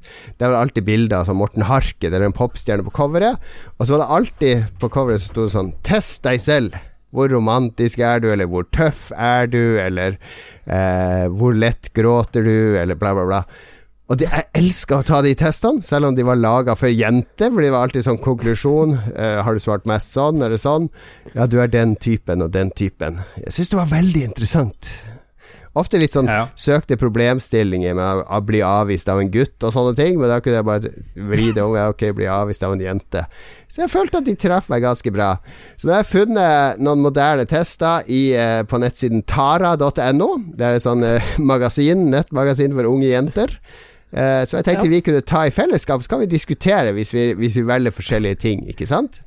Så hvis ja. dere trykker på denne linken nå, så er det en test med tolv spørsmål vi skal svare på, om som skal måle hvor feminin er du. Så, så ja. før vi begynner her, jeg vil tro Lars scorer høyest på feminintesten. Ja, ja. Jeg er jo kjempefeminin. Ja. Det er ikke kødd. det, det, er min spådom. Jeg blir litt satt ut av en uforståelig reklame for nye Peugeot E2008 SUV her på samme side som testen, fordi Har du det? Fordi min reklame er for Cheesy Bacon King fra Burger King. Hva har du, Mats? Jeg har, jeg har, reklame Jeg blokkerer reklame. så jeg har ingenting. Men liksom, hvorfor er det nye Peugeoten heter E2008? Da tror jeg det er en gammel drittbil, men den har jo fått terningkast seks i Dagbladet i år. Ja, jeg tror de har brukt samme konsulentselskap som okay, okay, Microsoft jeg, for å har, finne navnet på bilen. Nå har jeg skrudd av, jeg skrudd av min adblocker. Ja. Jeg har nå fått reklame for Velux, slipp inn lyset. Vinduer for flate tak gjør Ja forskjell. vel, ja vel. Jeg tror de her er retta mot oss, for jeg har drevet og googla litt på bil i det siste. Jeg har googla mye sånn hus og sånn. Ja, så det, Cato jeg driver bare vil ha fast food. Det stemmer på en prikk. Stemmer på en prikk. My god, uncanny. Ok, allerede nå så er eh, testen en suksess. Men La oss gå inn i første spørsmål, som er Hva liker du best? Musikk eller sport? No-brainer for meg. Musikk. Ja, det blir musikk for meg òg. Det er samme her. Men nå, nå begynner jeg å tenke hmm, Er det sånn at man det er, er det feminint å like musikk? Jeg håper ikke det. Ja, for det, jeg vil jo si True sport vipper deg over i en maskulin retning her. Da er det vel okay. sånn, hvis Tara sier det. Vi kan gå til neste spørsmål. Å, da kommer vi- det er Lars-spørsmål. Hva er viktigst for deg når du skal ha ny bil? Motor? Design? Jeg syns det var ganske elendige spørsmål her. Du, fordi du, du ser nå at du kommer til å bli 100% feminin. Er det det? ja, men designet er jo viktig òg, men liksom Jeg driter nå litt i motoren, så lenge ikke den blir Men når, ødelagt. når, de sier mot, når de sier motoren, mener de sånn diesel eller bensin eller Ja, eller elbil? kraft, eller hestekrefter og sånn, tenker jeg. Ah, Ja, jeg Det har jo ganske mye å si. ja. Bare, Nå skal dere prøve å redde dere inn med det maskuline, men motor er viktig, dere! Ja, jeg, jeg vet hva, jeg går for design. Eh, jeg ville valgt en bil som har eh, Eneste grunn til jeg valgte te- Hovedgrunnen til jeg valgte Tesla, var jo ikke sånn designet utseende på bilen, men alt det interiørdesign og OS og alle de funksjonene. Og det jo, liksom- faller jo under design, vil jeg si. Jeg vil heller ha Ok, hvis valgene er som, som følger Du kan få en fin bil, en veldig sånn lekker bil, men den har 70 hester. Ja, Eller du kan få en litt stygg bil, men den har 150 hester. Da tar jeg jo den stygge med 150 hester. ja men da får du gå for motor, da. Være en mann. Ja. Lars, hva går du for? Jeg går for design her. Hvem Ja, bryr seg om motor? Ok. Uh, neste spørsmål. Gråter du mye? Gråter innimellom? Gråter aldri. Faen for noen skikkelig idioter, de som har lagd denne testen. Det Ok, ja, dere, må det hjelpe, Herregud. dere må hjelpe meg her, for jeg bruker å um, jeg bruker å gråte når jeg ser krigsfilmer, og når jeg ser dokumentarer som har veldig sånn eh, heftig innhold. Det teller som gråter Men er det fra. krigsfilmer? Sånn Saving Private Ryan og sånn? Ja, altså når noen ofrer seg liksom for gruppa, da, det, da blir Det, jeg er, det trigger din eh, Det er Ja. interessant. Nei, jeg gråter jeg, jeg må faktisk ta gråter innimellom. Jeg må ha det. Jeg gråter også veldig lett av film. Ikke av samme type som det, da, men når det er eh, Ja, når det er vonde ting som har med barn å gjøre og sånn. Eller hvis det er noe sånn emosjonelt og sånn. Ja. Så, så, sånn som Ringenes herre, når Gandalf detter ned i den gro, gro, den, Når han slåss mot balldragen og, og blir dratt ned, liksom. Grå, det skal vi se på hyt, hytta, så skal vi filme Mats og se om han gråter. Når jeg så det på kino første gang Jeg vet ikke om det blir å skje hvis jeg ser den scenen på nytt igjen. Det kan jeg ikke garantere. Men Ja. ja. Lars, hva svarer du her? Nei, jeg er litt sånn atypisk her. Jeg gråter veldig lite. Det Ja, ok, ok, ja. ok. Endelig et maskulint trekk. Men det er jo så klisjéaktig og stereotypisk, hele det opplegget. Men eh, greit nok, Tara. Okay, ja. Neste spørsmål. Hvilken av disse hundene ville du helst hatt? Golden retriever eller boxer? Bokser, er det en sånn bulldog? Hva er det det? er de er som ser så stygge ut. Med sånn her eh, sur munn. Ja, nei, det vil jeg ikke ha. Jeg tror jeg tar Golden Retriever. Ja, jeg tar Ja. også golden retriever. Det er tydeligvis femi-hund i denne testen, men ja ja, det får gå som det går. Uh, nummer fem. Liker du practical jokes? Nja Eller jeg digger det. Jeg elsker practical jokes. er Herregud, så mye tid og krefter jeg har brukt på å lure folk opp gjennom årene, så det er en no-brainer for meg. Jeg syns det var artig med pranks. Jeg syns de er ganske plagsomme, de videoene med folk som skal lure hverandre og ditt og datt. Åh, det er en ofte. fremtidig Det er en fremtidig spalte, det der med de, de fake videoene med folk som lurer hverandre på Facebook. Det er noe av det verste jeg vet, men eh, jeg sparer den. Men, men jeg elsker jo eh, Hva heter det, Jackass og sånne ting. Jeg vet ikke, Der er det Ja, mye. Sånne litt sånn physical comedy. blir kvalitets-practical jokes liker jeg, men de fleste er jo elendige, syns jeg. Så ja. Hvor de, hvor de, hvor de eh, Den scenen hvor de monterer en sånn gigantisk arm med sånn melpose som slår ut til sida. Ja, ja, Og ja. de kommer gående inn. Det er noe av det morsomste jeg har sett Ja. på Ja. Hva velger du, Lars? Jeg går for nja, for det, jeg syns de fleste er så dårlige. Ok, ok, good to know. Er du opptatt av hva slags sengetøy du har? Ja? Nei? Der vet jeg at Mats eh, kommer til å svare et stort ja, det er jeg ganske sikker Ja, på. jeg, jeg er ganske opptatt av det, faktisk. Jeg, jeg er ganske opptatt av det. Jeg har noen jeg foretrekker veldig, og så er det noe jeg ikke kan ligge i det hele tatt. Men det er litt sånn Jeg aksepterer egentlig det meste, så jeg vil si nei. Det er kun sånn silkesengetøy. Det, det, det er umulig for meg å ligge i. Det er det verste jeg vet. Det må være litt friksjon i sengetøyet. Jeg har nesten aldri matchende putetrekk og dynetrekk, så jeg tror jeg nesten må si nei her. Det er bare Ja. kaos. Jeg tror ikke du er opptatt eh, Du er veldig opptatt av det her, Mats. Hva hva er kriteriene til godt sengetøy? Nei, altså, jeg er stor fan av eh, sånn eh, flanellaktig sengetøy, som er litt sånn mjukt, og, men ikke sånn glatt satenggreier. det må være friksjon ikke- i det, ikke sant? Ja, nettopp. Ja. Ek eksakt. Og så er jeg veldig, veldig opptatt av eh, at det, ja, at det er behagelig, rett og slett. Ja. Hvis- er du sånn som meg som sover, senge- sover du naken? Uh, ja. Ja, ja der er det litt godt seng- med friksjon friksjon i senge- sengetøy. Jeg vet, jeg vet, jeg vet. Hvis jeg kjøper sengetøy som er ubehagelig, så gir jeg det bort, eller så kaster jeg det. Ja. Ja. Ok, bra, bra. Når vi er på ja, Du har jo med deg eget sengetøy på hytteturen, så det Ja. er good to go. Kan få inspisere det. Neste spørsmål, da. Liker du å bestemme over fjernkontrollen? Ja. Nei, det er ikke viktig. Ja, definitivt! Jeg klarer ikke å se på TV hvis ikke jeg, har hvis ikke jeg kan trykke. Det, det føles som å være passasjer i bil. Eh, det er også veldig ubehagelig for meg. Det vet jeg at Jeg du liker, ikke Lars. Det er ikke viktig for meg, faktisk. Vi er jo ofte i en situasjon hvor vi sitter flere personer og ser på TV hos han Lars, eh, og da føler jeg at det er ikke noe viktig for meg å styre show. Jeg syns det er greit å slippe det, Ja, ok, ja. for det er sånn ansvar. Du, liksom, du bestemmer hva folk skal se på, ikke sant? ja, ja, ja. Jeg liker det ansvaret. Ja. Ja, jeg, jeg foretrekker å ha fjernkontrollen og gjøre det, men det er jo deilig å la andre også styre, så det er mer sånn midt imellom, men det er jo ikke noe må velge en føles mest riktig her. Ja, jeg sier ja der, jeg sier ja der, altså. Hvis du er med din utkårede Anne Gro, er det får hun lov å styre da, eller foretrekker du å styre sjøl? Vi ser ikke TV i lag. Nei, nei, bare, bare, bare, Bare streaming. streaming. Ok, neste er da Lar du toalettlokket bli stående oppe Jeg har jo automatisk eh, fancy-do som lukker av seg sjøl. på jobb? På jobb.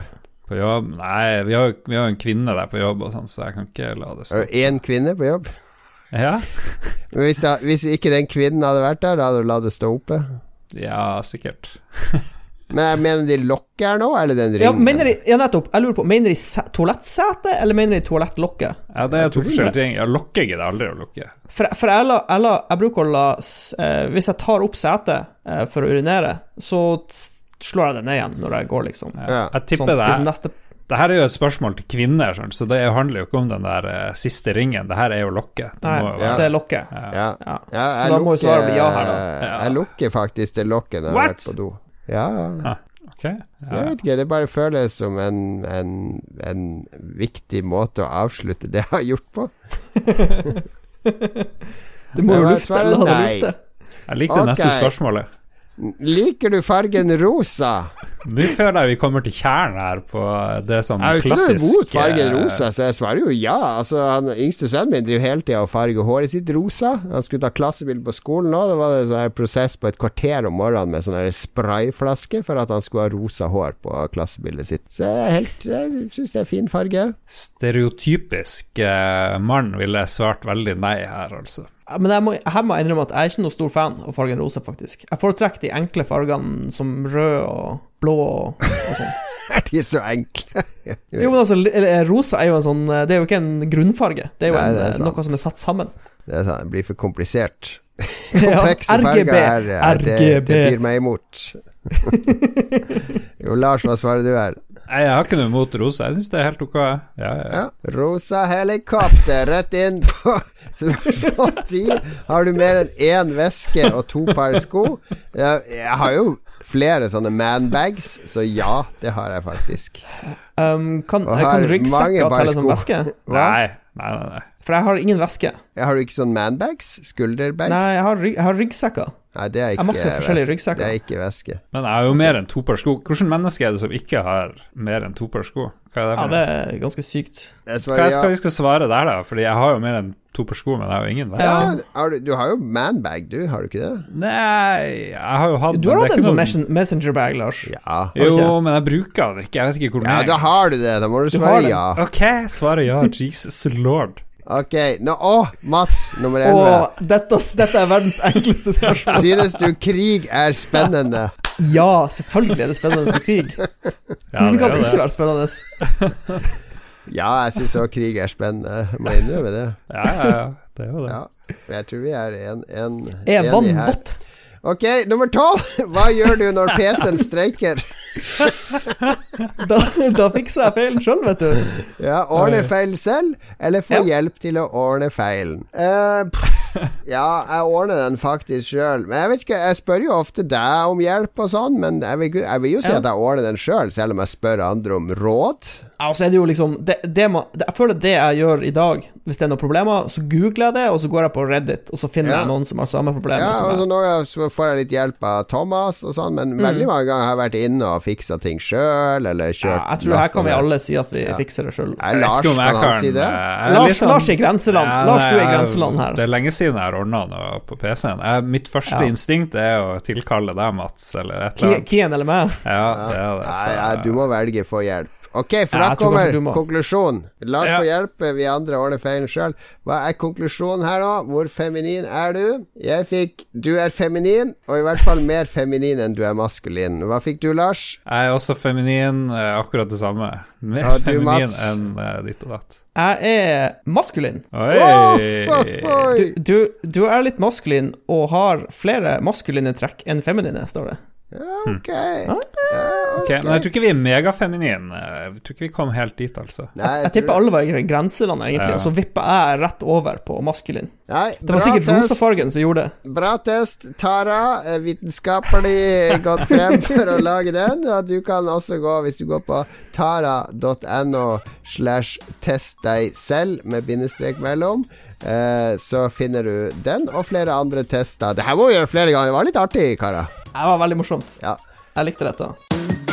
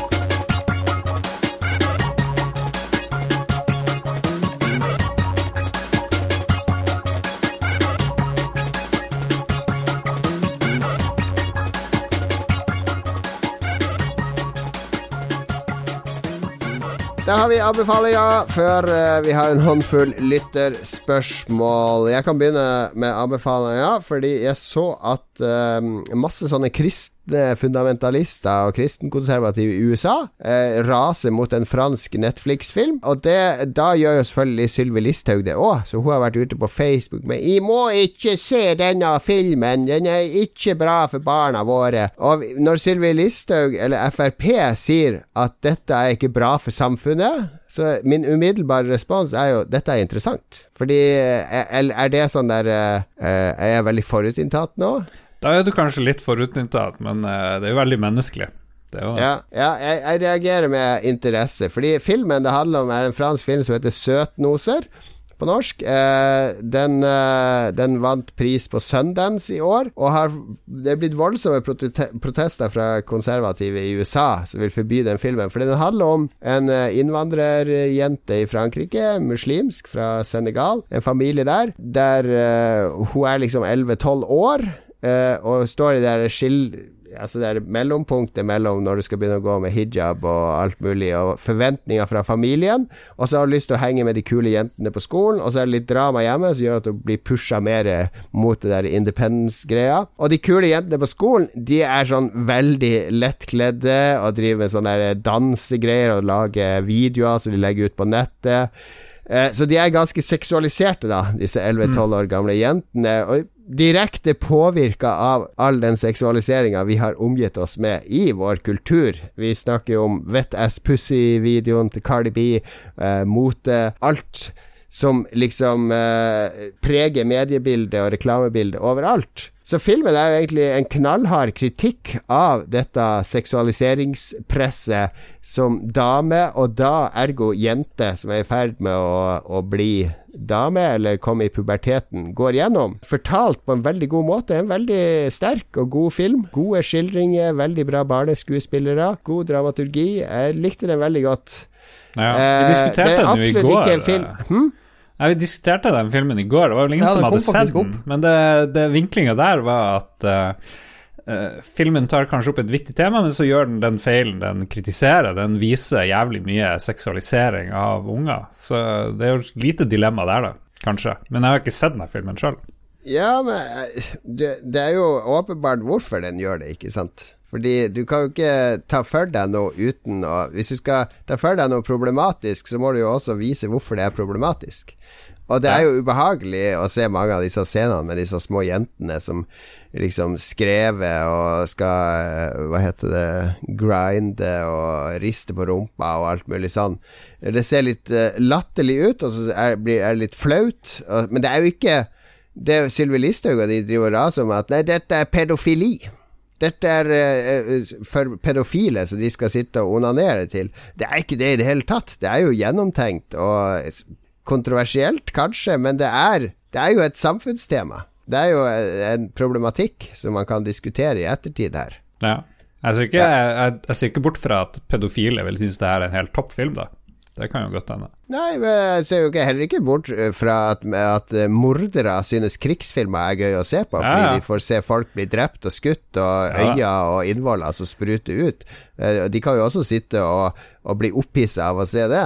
ja, ja, nei, jeg sier ikke at det er galt i seg sjøl, men, men, det er jo en interessant det er problemstilling. Det er vanskelige problemstillinger, for uh, hvordan skal du takle et tema uten å vise, vise det, på en måte?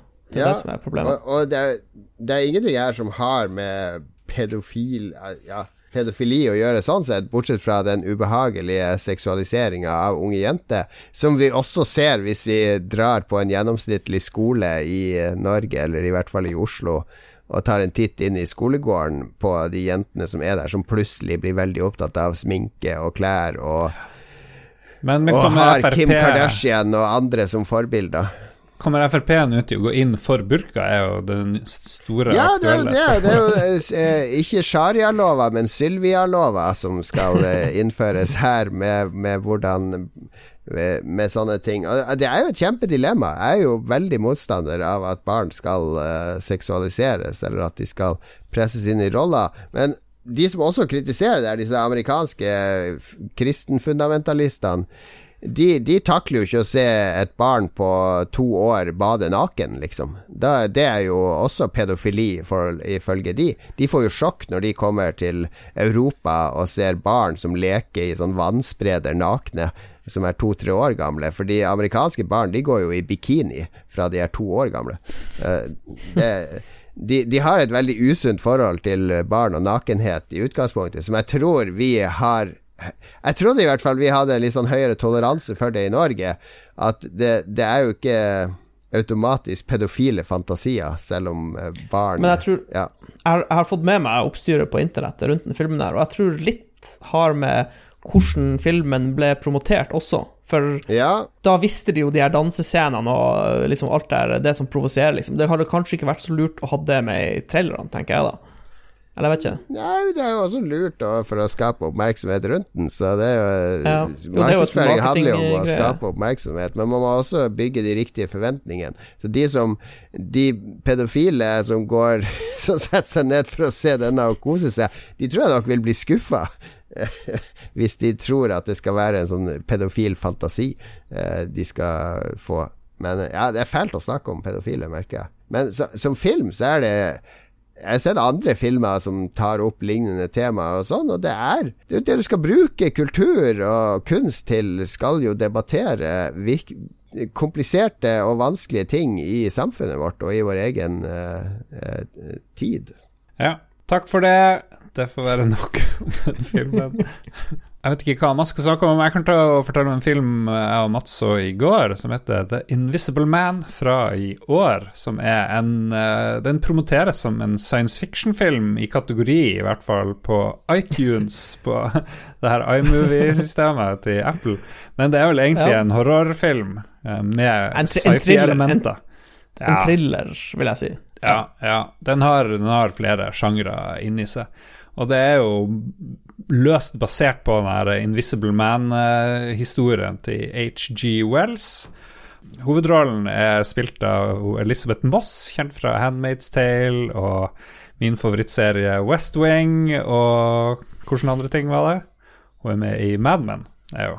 Hun er vel ja. en av de her sekretærene Sekre der. Sekretæren, ja. eh, hun er kanskje litt typecasta, for hun er vel eh, plaga og haunted i alt hun spiller, og det er jo her òg. Filmen starter med at hun rømmer fra en, en, en, eh, fyr. Vi vet ikke helt hvorfor. Hun er livredd av fyren. Eh, kort tid etterpå så, så, blir han funnet død, og så, og så begynner hun å bli plaga av noe skumle greier. Eh, hun tror jo at det er han der fyren som er drept, som er ute etter han, og kanskje er det, kanskje er det ikke. Det, det er et langt midt parti hvor hun bare fer rundt og er redd, som kanskje kunne vært korta litt ned. Men um, jeg, liker, liker spesialeffektene. Det er veldig bra gjort. Det skjer jo mye skitt, og det er utrolig mye nerve. Det er mye spenning. Det ble for mye at noen i publikum her i stua måtte liksom bare gå bort. Det ble for mye for, mye for dem. Så eh, det krever en viss uh, nerve å se denne filmen. Veldig godt skuespill av Elisabeth Moss der og andre folk. Lavbudsjetts sci-fi-sjangeren er jo en av mine favorittsjangere, og den her detter vel ganske eh, hardt ned i den. Ikke en perfekt film, men det er absolutt verdt å se. Det er det. Ja, jeg likte den uh, veldig godt. Jeg ble veldig fascinert av det huset i den filmen. Uh, der de er uh, på starten av filmen, det, ute på den klippen. Jeg, jeg, ja. Når jeg så den, så jeg ble så nysgjerrig på det huset. Jeg syntes det var så veldig kult. Og det er på New Zealand, det huset, faktisk. Og det kan man uh, Hyttetur, 50-årsdagene eh, våre, da kan vi dra ta en uke i det huset der. Det kan leies til sånne Kult. ting. Jeg vet, det var et veldig pent hus. Mm. Mm. Syv millioner kosta det visstnok eh, å lage. Syv millioner dollar. Så det er jo crazy lavbudsjett. Men jeg synes, Hun er en av mine favorittskuespillere, Elisabeth Moss, eh, for tida. Jeg syns hun er med i mye potente, bra ting. Nå var jeg og sjekka på Rotten Tomatoes på filmen min, 'Søtnoser', eller 'Cuties', som den også heter på engelsk. Den har uh, uh, critics score 85% meget bra. Audience score 13% Det tror jeg er en av de største differansene jeg har sett. Den er blitt review-bomba som ja, faen. Ja, ja, ja, ja, ja, ja, Alltid et godt tegn. Ok, Mats. Du har uh, ja, Du hadde egentlig en sportsdokumentar her nå, men så tulla jeg litt med det i starten, så da, da, da Jeg har trukket sportsdokumentaren. Ja, den, den, eh, den, kommer tilbake senere, for jeg kom på eh, Jeg så uh, de tre første episodene av uh, en ny dokumentar på Netflix mm -hmm. som heter Challenger The Final Flight handler da selvfølgelig om den romferga i 1986 eh, som eksploderte når den eh, skulle dra opp i verdensrommet. Eh, det er vel fire episoder totalt, så jeg har nesten sett alt. Så jeg føler jeg, liksom, jeg kan anbefale det uten å gå for langt ut på isen. Altså, det er en solid dokumentar. Det er ikke en, er ikke en perfekt dokumentar, men den er, den er veldig, veldig, bra hvis du bryr deg om romfart. da. Hvis du har en viss interesse for romfart, så tror jeg du blir å like den. Så den prøver jo da å kaste litt lys på ikke bare detaljene rundt ulykka, hvorfor det skjedde og sånn, men også på de som deltok på oppdraget. da. For det var jo det som var litt spesielt med den uh, Challenger-flighten, var jo at uh, det var en lærer med. Altså den syvende personen på flighten var bare ei sånn Det var ei, var ei dame uh, som het Krista Krista McCauley, tror jeg hun het. Okay. Og hun var, hun var, bare en high school-lærer som hadde blitt valgt ut for de skulle ha med seg en, liksom en vanlig person i verdensrommet. Det var liksom tanken bak flighten, Ja. da. Men gikk hun gjennom noe trening? Det må hun ha gjort. Du kan jo ikke bare ta med deg en tilfeldig Hun hun, hadde, hun hadde vel to måneder eller noe sånt med sånn her skikkelig eh, superekspresstrening, for eh, de, de øvrige astronautene på eh, romfergeoppdragene hadde jo to år med trening, så hun hadde basically eh, 10 av deres trening, da. Hun, hun hadde ikke noe kritiske oppgaver på Nei. oppdraget, hun skulle jo egentlig bare være en passasjer. Hun var jo bare lærer. Ja. Og det som var litt trist rundt det her, var jo at liksom hun, hun Jeg tror ikke hun forsto egentlig hvor farlig eh, de her eh, oppdragene var, for det er jo ikke liksom De snakker jo om det i dokumentaren, at liksom eh, de her rom, romferga Den, den starta jo på 80-tallet, den romferga. Det var jo liksom det nye, det nye spennende innenfor romfart.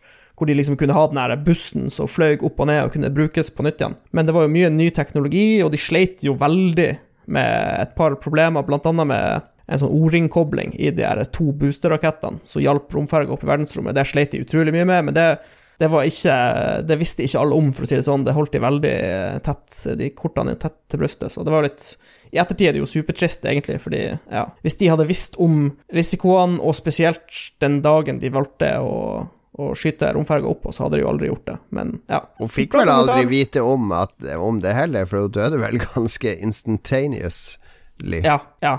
Det, var, det gikk fort. Det er vel eneste trøsten for, for de. Men ja, det var veldig trist greie, liksom. Det var jo en nasjonal tragedie i USA. For det var jo liksom Ja, det var jo Romferga var jo deres stolthet, liksom, etter en kjip periode med Vietnamkrigen og ja, Ja. trasig er det ingen stemning. Og eh, konspirasjonsteorier rundt det her? Du bruker å ha god koll på det. Jeg tror ikke det, for det, det er så eh, Altså, det er så godt dokumentert hva som gikk galt i ettertid, at jeg tror ikke det er så veldig mange om akkurat Challenger-romferga. Det er liksom ja. Men ja, hvis du, hvis du interesserer deg for romfart, og du har lyst på noe nytt, så er det bare å gå på Netflix og sjekke ut Challenger The Final Flight. Hvis du måtte velge, Mats, resten av livet kun se ting om romfart, eller kun se ting om krig? Jeg tror faktisk um, Da må jeg velge romfart, for det blir jo, det blir jo skje litt spennende ting fremover. Ok, du, du velger bort krig, aldri mer se noe som helst om krig, altså, men du kan se så mye du vil om romfart. Ja, altså, for nå blir det jo Det blir jo om oppdrag til Mars, eh, Ja, det blir jo litt sånn spennende ting som skjer, og da vil jeg heller få med meg det enn å se okay, krigsfilmer. Hva Liksom. med krig versus Tsjernobyl? Eh, Da blir det krig. Ok, tre anbefalinger der, da. Den franske filmen 'Søtnoser' på Netflix. Uh, viktig dokudrama, tar opp problematiske ting. Uh, er problematisk film og til tider, men uh, viktig å se. Kunst kan være komplisert. 'The Invisible Man'. Kunst kan også være ganske ukomplisert, men det kan være vellaga og underholdende, med Elisabeth Moss og en usynlig mann. Og til slutt Challenger The Final Flight, dokumentarserie på Netflix om eh, romferga Challenger som tragisk nok gikk i lufta under oppskytning eh, på 80-tallet.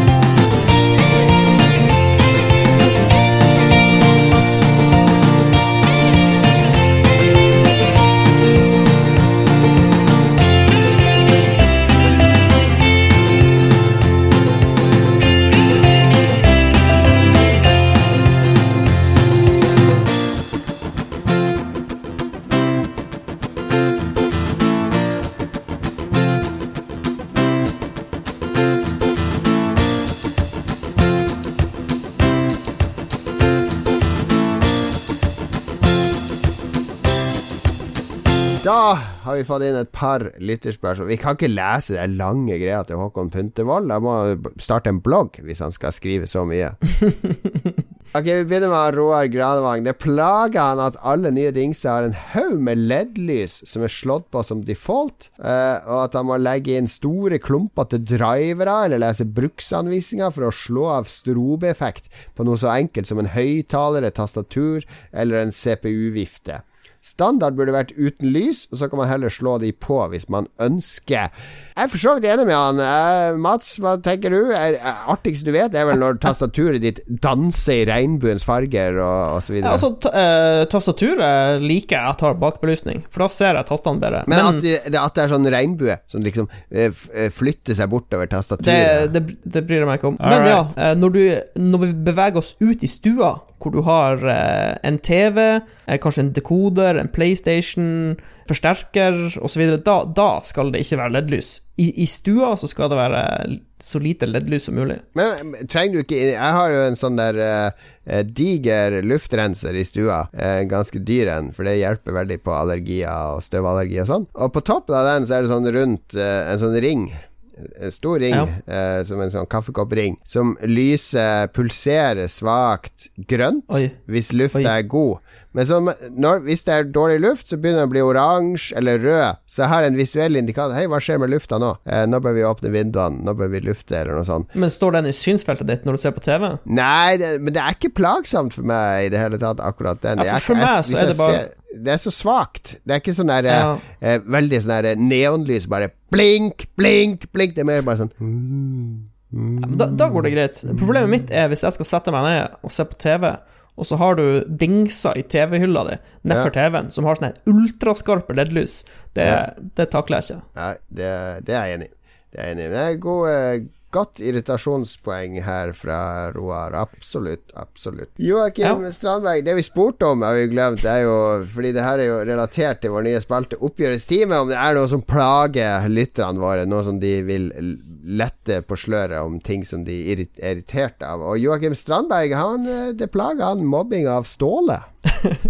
Mobbe, jeg, jeg, jeg mobber ikke Ståle. Si, jeg har aldri mobba Ståle. Har, I vårt forsvar så vil jeg si at han Ståle mobber seg sjøl like mye som han blir mobba. Ja. Jeg tror han gjør det med glimt i øyet, velger jeg å tro. da ja, Jeg lurer på om det har noe med at uh, da Ragequit drev og var forsinka for tusende gang, så sendte jeg ut et brev til eh, Patrions, eh, til deres eh, e-postadresse, om at ting sto veldig dårlig til med Ragequit, og at Christian og Dag Thomas driver og skal sparke ut Ståle osv.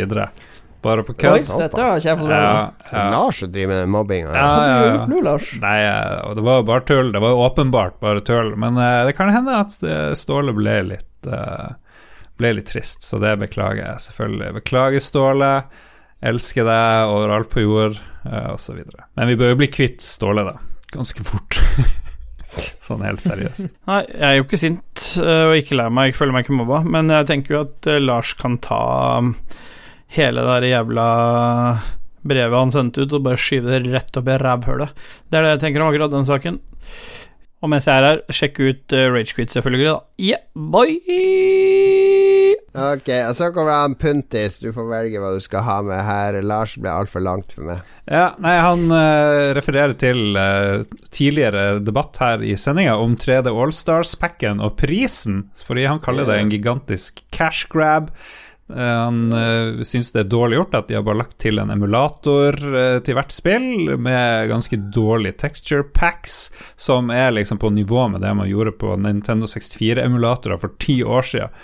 Og så trekker han frem Tony Hawk, uh, remakes, Crash, Bandicoot-trilogien, Spyro osv. Det er sånn man gjør det i ny og vakker drakt. Det skal koste 300 kroner, ikke 600 kroner. Og vi har 35-årsjubileum eh, med verdens største spillmaskott, og det er, dette er en av måtene å feire ham på!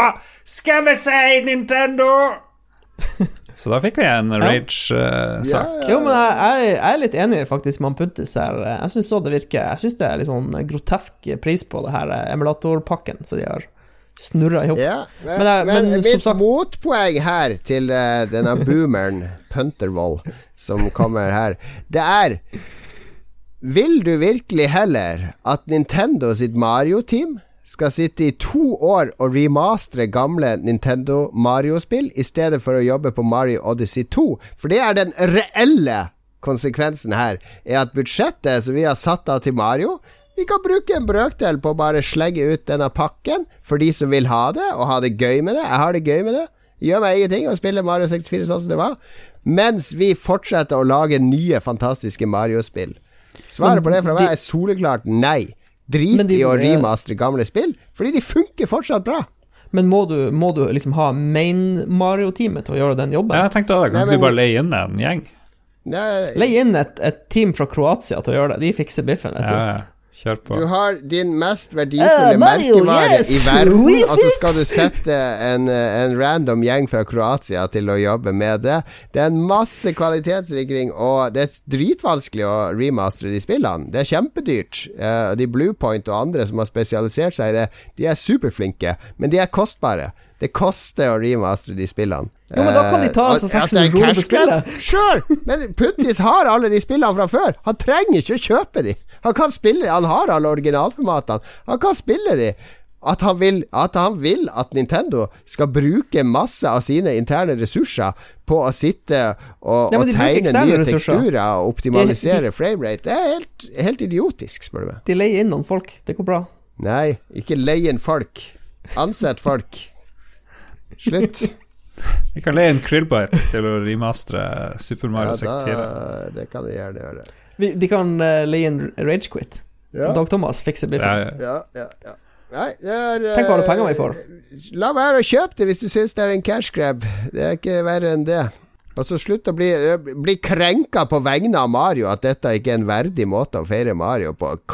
Get up Oh, mamma mia.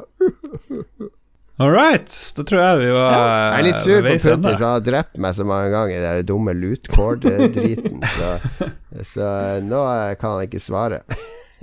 Nei da, jeg er glad i Puntis. En bra mann. Han var vel også vikar på quizen som vi av og til har på discorden vår, eh, Lars. Ja, han eh, Kampsauen, vår quizmaster, skal få unge og greier, og han har solgt PC-en fordi han skal vel eh, Han selger PC sikkert fordi han får seg unge. Kona har sikkert tvunget han til å selge PC-en. Han er jo Du må velge mellom PC-en og barnet. Ja, så jeg vet ikke om det er derfor han solgte. Kanskje han skal ha nytt utstyr, men Ja. Dilemma, Mats. Du må velge mellom PC og ditt eh, ufødte barn på hun du møtte på byen forrige helg. Du skal slippe å svare. Du skal slippe å No, svare. no comment. ja. Nei, men bli med i discorden vår, der er det veldig bra. Bli også Ja. en del av vår uh, Patrion hvis du har lyst til det. Vi tar alt fra én dollar oppover for eh, ulike tiers, og da støtter du Spillrevyen, uh, Lolbua, og ikke minst den fantastisk nye podkasten Rage Quit. Yes, med hedersmann Ståle i førersetet, for jeg mobber ikke Ståle. Jeg husker fortsatt at Ståle var den eneste som ga meg gave på bursdagen min i hele Lolbua-redaksjonen. Ja. Så jeg elsker Ståle. Jeg I min eh, stack rank av alle som er med i Lolbua, så er Ståle på topp. Førsteplass. Takk for det. All right. Neste episode skal vi gå gjennom spillene som kommer i oktober. Eh, så det blir meget spennende. Oktober er jo en måned full av spill, blant annet Lars. Det kommer nytt Final Fantasy kommer i neste måned. Det er nytt Prins of Persia Nei, jeg vet ikke hva, hva som kommer. Vi har ikke gjort den researchen ennå, som eh, du kanskje skjønner, kjære lytter. Men det vi har gjort research på, er jo at vi har produsenter, og vi må alltid takke de. Hvem er produsentene nå, Mats? Det er jo selvfølgelig TT MXMB, Oh. Kobrakar84, Rorufu, Rolf Helge Ingebrigtsen, Anne-Beth, Sonikon, Duke Jarlsberg og Jarle Pedersen. Tusen takk til våre produsenter. Det er Dere er er magiske mennesker. Ja. Takk til produsentene, takk til de som støtter oss på Patrion.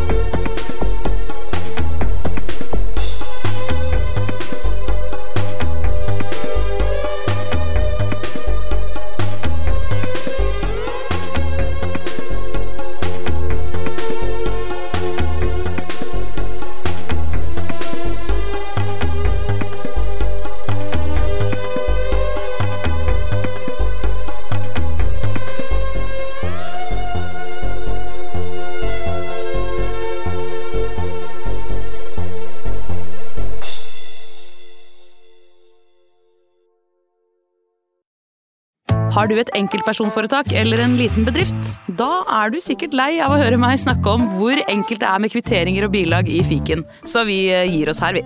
Fordi vi liker enkelt. Fiken superenkelt regnskap.